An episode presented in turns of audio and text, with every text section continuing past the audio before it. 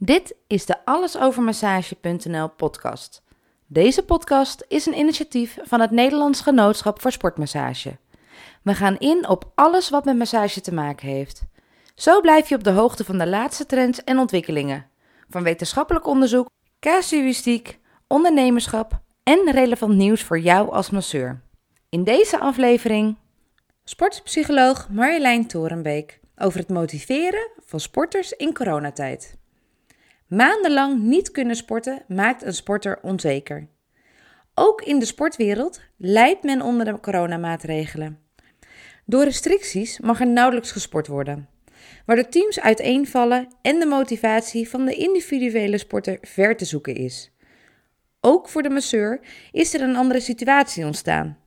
Sportpsycholoog Marjolein Torenbeek adviseert momenteel veel coaches en sporters over hoe ze om kunnen gaan met de situatie. Corona ontwricht de samenleving en heeft ook veel veranderd voor de sporters. Weg is het ritme van regelmatig bewegen, onderdeel uitmaken van een groepproces en het halen van persoonlijke doelen. Niets voor niets luidde de FIF-PRO, de Internationale Organisatie voor Profvoetballers en Voetbalsters, afgelopen zomer tijdens de eerste coronagolf al de noodklok over angstgevoelens en depressies bij voetbalprofs die in die tijd waren verdubbeld. Sportpsycholoog Marjolein Torenbeek kan zich er iets bij voorstellen. Ze begeleidt normaal gesproken coaches en sporters. Vooral bij hun persoonlijke ontwikkeling en het leren omgaan met wedstrijddruk. Ze werkt onder andere met talentvolle basketballers, lacrosse-spelers, judoka's, hockeyers en turners. Tussen die sporten zijn er nodige verschillen. De turnsters met wie ik werk hebben bijvoorbeeld een topsportstatus en die mogen nog wel binnentrainen, zegt Marjolein. De judoka's hebben die status niet en die mogen dus de dojo niet in. De sportpsycholoog helpt de sporters om grip te krijgen op de situatie door het stellen van persoonlijke doelen.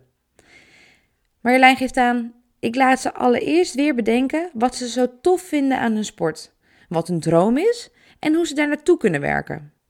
Ik stel ze de concrete vraag wat ze de komende vier weken kunnen doen om die droom mogelijk te maken.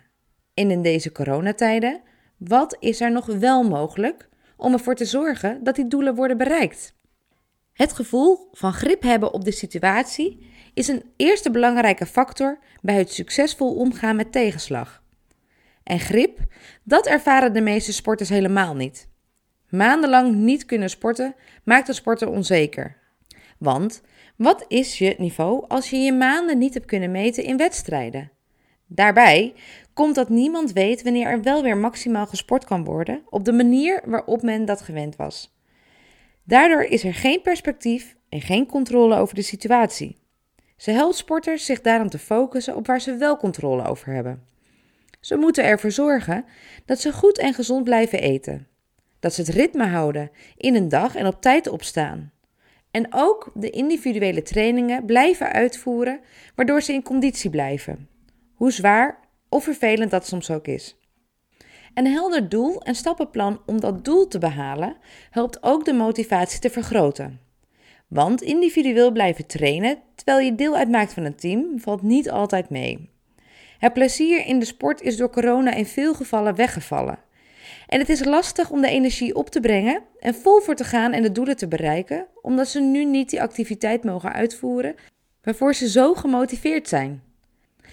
Er zijn drie verschillende soorten motivatie en drie soorten motieven die ervoor zorgen dat sporters plezier beleven aan hun sport. Er is het plezier van iets nieuws leren, zoals een nieuwe techniek of tactiek, een bepaalde tegenstander.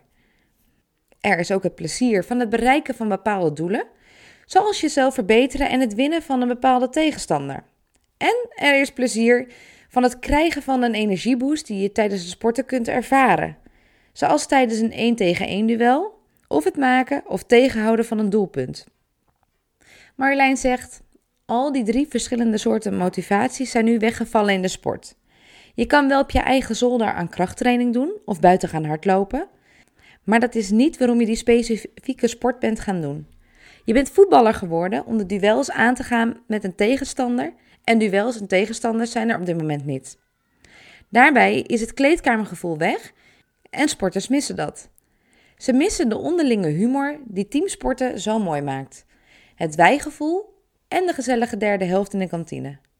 Sporters ervaren de coronarestricties zoals gezegd als een vorm van tegenslag. Daarbij is allereerst het gevoel van grip of controle belangrijk, zeg Marjolein. De sporter verliest het gevoel van controle over de situatie en wordt daar passief van. Ten tweede is het verkrijgen van sociale steun van bijvoorbeeld teamgenoten erg belangrijk. Voelt de sporter steun en contact met ploeggenoten, dan is het omgaan met een tegenslag vaak makkelijker. Sporters die nu weinig sociale contacten hebben als gevolg van de maatregelen, worstelen meer met de situatie. Het niet kunnen sporten heeft ook gevolgen voor de synergie binnen een sportteam, dat door de coronatijden nog slechts op papier een echt team genoemd kan worden.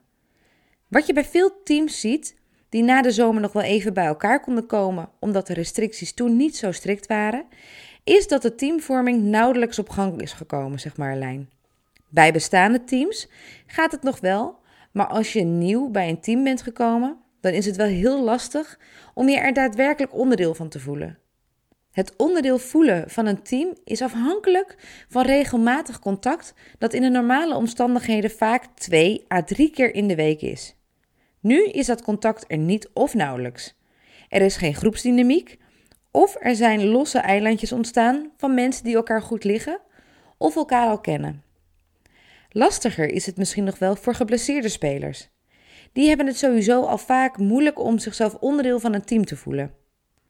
Wat ik bij teamsporten vaak zie, is dat de geblesseerde speler een tijd niet naar de training en wedstrijd kan komen, waardoor ze in zekere zin worden vergeten. Op die manier voelen ze zich al snel eenzaam. Dat er nu restricties zijn op de club maakt het nog moeilijker. Even naar de club komen om contact te krijgen met vrienden of teamgenoten is moeilijker in deze situatie. Zo zijn er bij verschillende topsporten die wel weer zijn opgestart, slechts een beperkt aantal coronatests beschikbaar voor de wedstrijd. Die zijn dan voor de sporters die wel kunnen spelen. Geblesseerde spelers mogen zich dan niet op het sportcomplex begeven. Sowieso zijn geblesseerde spelers binnen het teamproces altijd wel een onderbelicht punt volgens Marjolein. Op het moment dat ze weer terugkomen, wordt er gedacht: tof dat je er weer bent. Je kan weer lekker meedoen. Maar als iemand thuis zit met een blessure, voelen mensen zich toch vaak eenzaam of vergeten. Coaches gaan daar op verschillende manieren mee om.